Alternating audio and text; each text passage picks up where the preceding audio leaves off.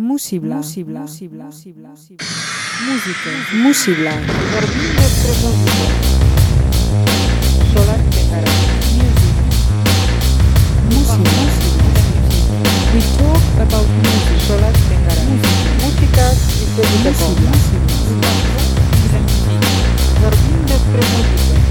Música Solar Música Musibla. Stand up. You got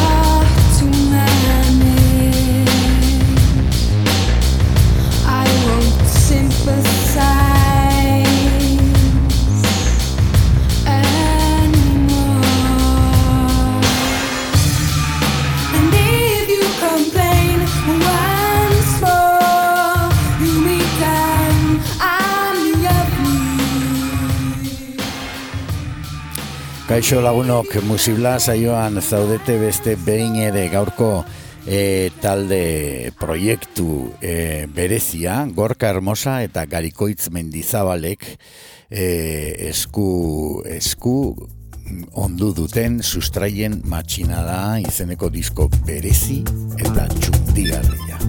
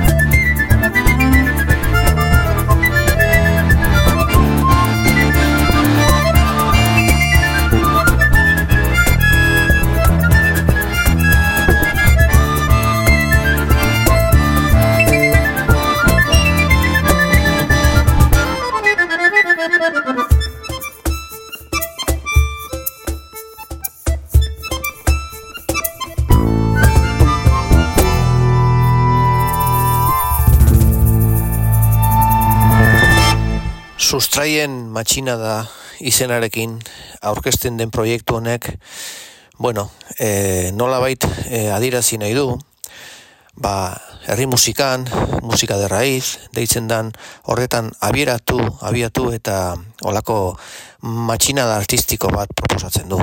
Hau da, herri musikatik, baina herri musika ez euskalduna bakarrik. Beste hainbat tokitako herri musikak hartu eta, bueno, metamorfosi bat, bilakaera bat proposatzen dugu gure ustez oso interesantea dena.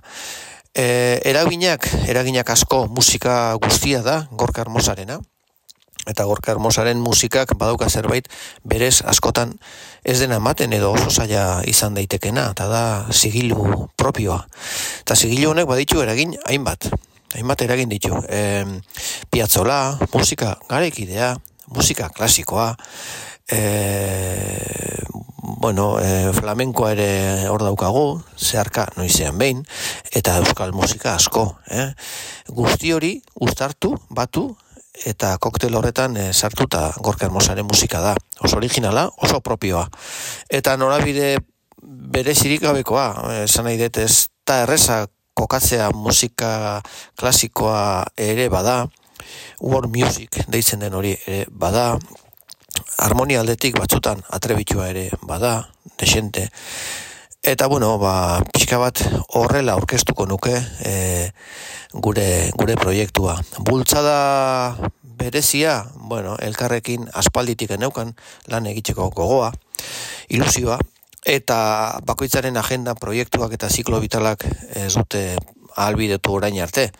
Eta orain e, iru tetardi edo, e, buruan jarri gendun, gure, gure ilusioa, eta hau da ba, emaitza.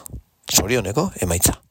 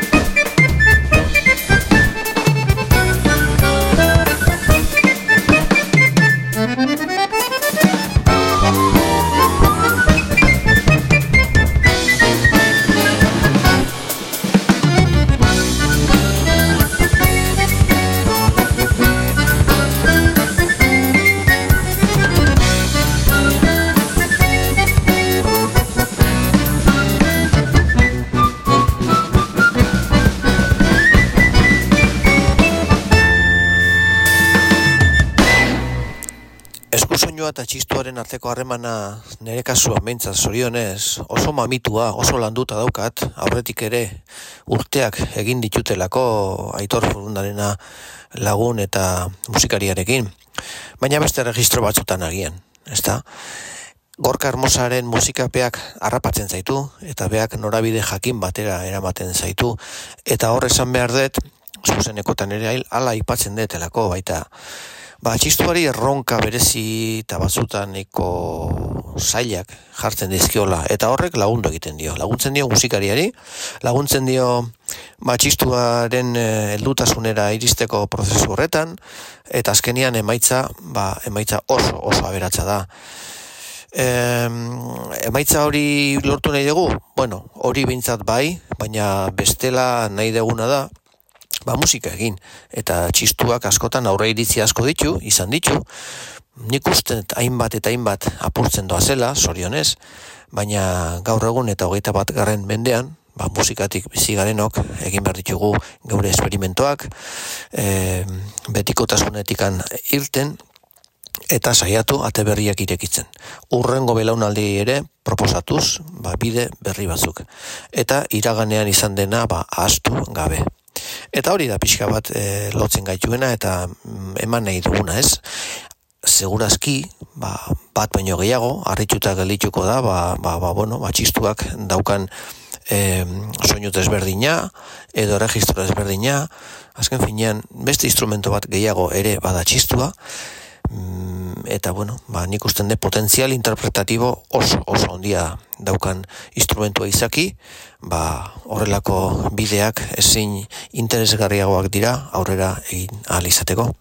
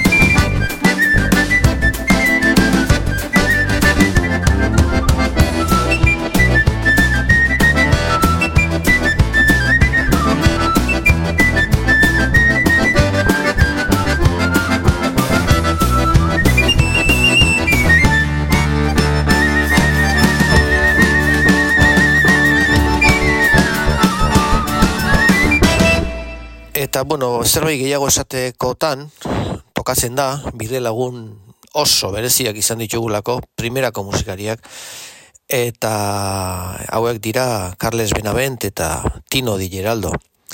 Sustraien matxina da egin badegu, egin nahi izan badegu, hau da, herri musiketatik abiatu eta matxina da bat edo, irautza bat proposatu. Bueno, hauek Tino Di Geraldok eta Carles Benaventek orain amarkada batzuk egin zuten e, Paco de Luciaren eskutik eta beraiek bide horretan lehen mailako testiguak izan ziren. Beraz, e, badauka antzekotasunik, mm, irautza, kakotxarteko irautza honek, eta, bueno, gorkak proposatu zienean, ba ez geneukan oso garbi, ba, baietz, edo ez ez zango ote zuten, zer gaitikan hauek bueltan datozen musikariak dira, errekorrido ondia, ondia, ondikoak, eta, bueno, ba horregatik diot, musika entzun zutenean, eta e, proiektuaren ezaugarri bereziak ezagutu zituztenean, ba, ara non, baiezko eman ziguten eta bueno, ba, prozesua oso oso ederra izan da, oso intensoa, ere, kantabrian etxe batean bildu, elkar ezagutu, egun guztiko ensaioak egin, eta zuzenean grabatu, ez da. Orduan badauka, e, autentizidade hori ere, freskotasun hori badauka lanak, eta ez da estudioko lan propioa perfekzioa bilatu egin den e, lan klase hori, eta bueno, ba, horrek ere ematen dio ba, ikutu berezi bat.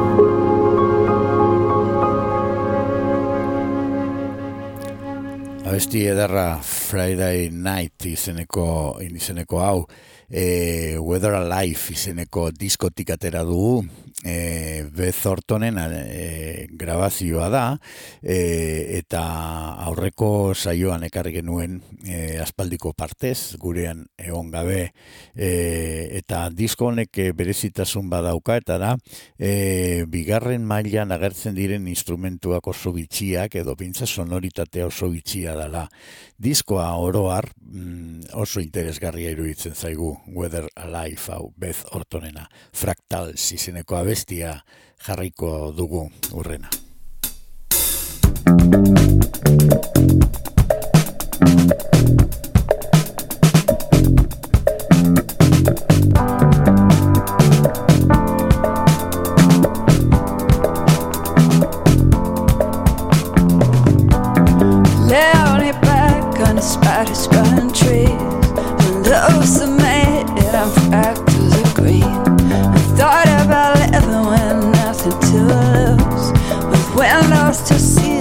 before they see you.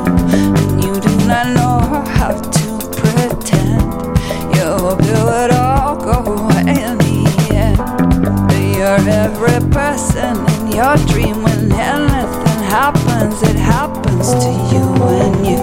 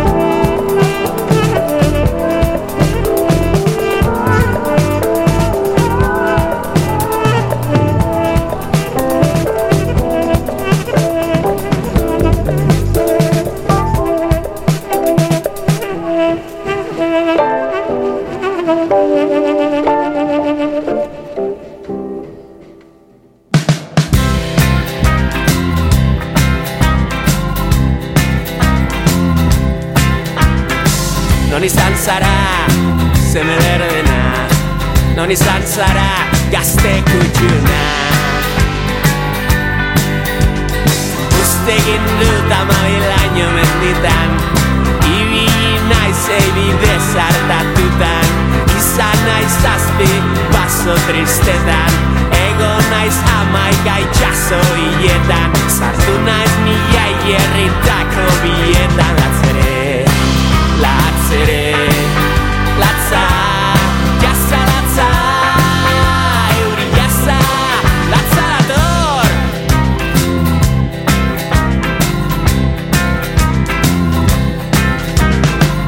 Zer ikusi duzu, zeme berbena Zer ikusi duzu, gazte kutxuna Txo arteko aur jaio herri bat Jende gaueko diamante bide bat. Ardazka beltz bat odola isuriz Maiu gorri duen gizonen gela bat. Mi gaueko amar mila iztun Pistola eta espatak umen eskuetan latzere Latzere, latza, jasa latza Euri jasa, latza dator.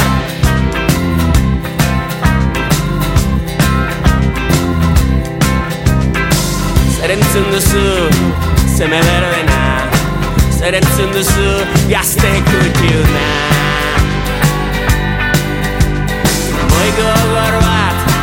abixu zena Uin bat oro, itzo zezakena Zuzko eskudu neun tambor jontzaie Mila xuxurla entzulerik gabe. Bat goze handiz amaika barreka Ez dolan hil zen poetaren hitzak Kaleko paiazo baten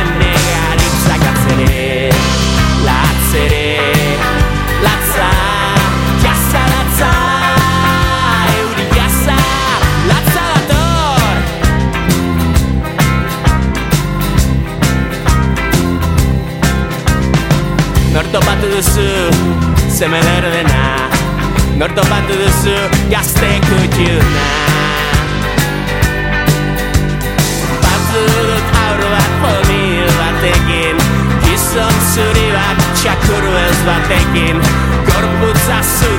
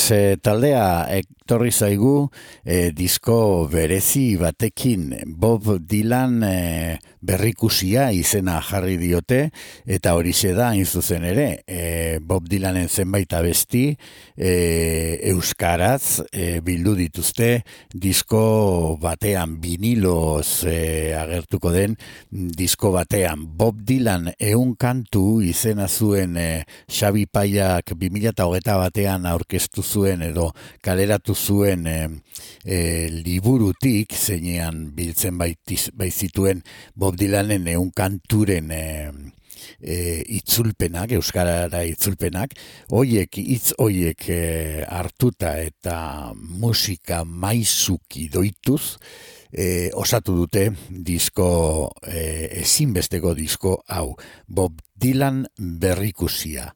E, garaiak aldatzen baitira da Bob Dylanen e, ba, abesti kurretako bat eta entzungo dugu nola gelditu zaien audientz taldeko mutilei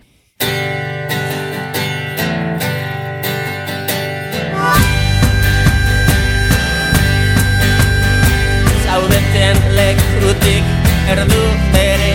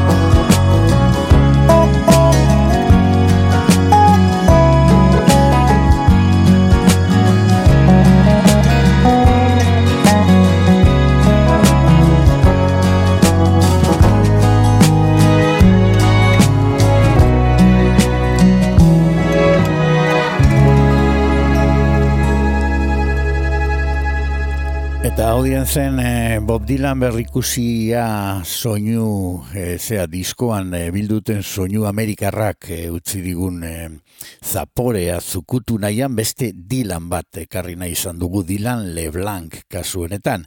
Coyote izeneko eh, diskoa eh, kaleratu du eta bertan eh, amerikana klasikoa ondo egina Neil Young eh, Neil hartzunak ere eh, sumatzen dira askotan koiote honetan. E, berez, e, diskoaren izena dator e, Dai- Dylan LeBlanc e, gazte zela, mendian topa, topo egin zuen koiote batekin, eta e, koioteak eta berak begietara begiratu, eta e, bakoitzak bere bide hartu zuen, koioteak ez zion e, antza a, aginka egin. Eta e, bada hortik, e, enkontru horretatik e, nola bait, sortu da e, disko hau. Disko izan daiteke e, ari bati jarraitzen dion e, diskoa. Dust izeneko e, abestiarekin jarraituko dugu Daila, Dylan LeBlanc e, musikarekin.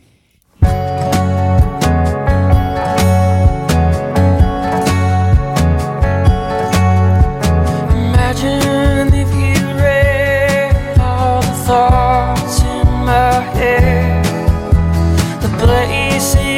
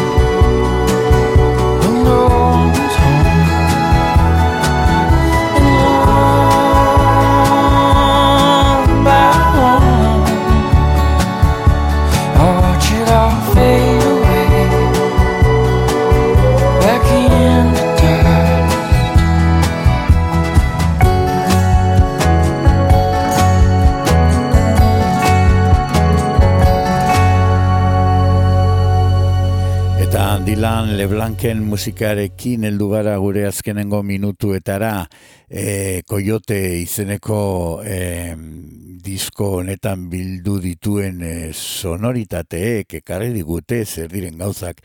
Gogora e, Demien e, Jurado e, garai batean e, ba, asko jarri genuen e, gure saio honetan Rehearsals for Departure izeneko diskoa, disko gogoan garria asko gustatzen zitzaigun diskoa. E, jakina gauza berriak egin ditu e, orain dela e, bi hilabete, atera du bere azkenengo diskoa. Eta urte honetan, bi eta iru honetan, atera ditu bi e, hilabete bateko tartearekin haien artean e, monoan grabatuta eta zuzenekoa ematen duen e, ba, tesitura batean. E, hoiek ere entzungo ditugu hemen, baina e, momentuz geldituko gara orduko 2000 eta iruko diska e, horrekin. Eta abesti zoragarri batekin, Honey Baby izena zuen abesti puska batekin. E, bada hori da, besterik ez ondo izan, agur.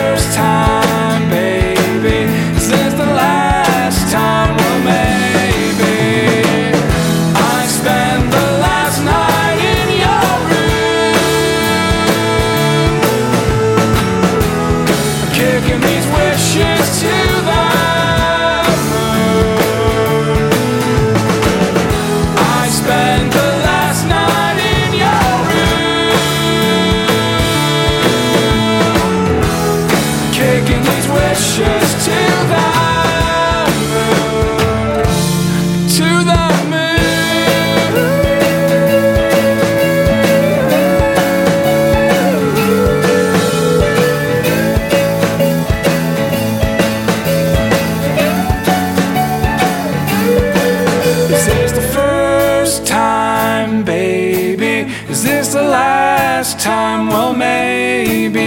Is this the first time, baby? Is this the last time? Maybe.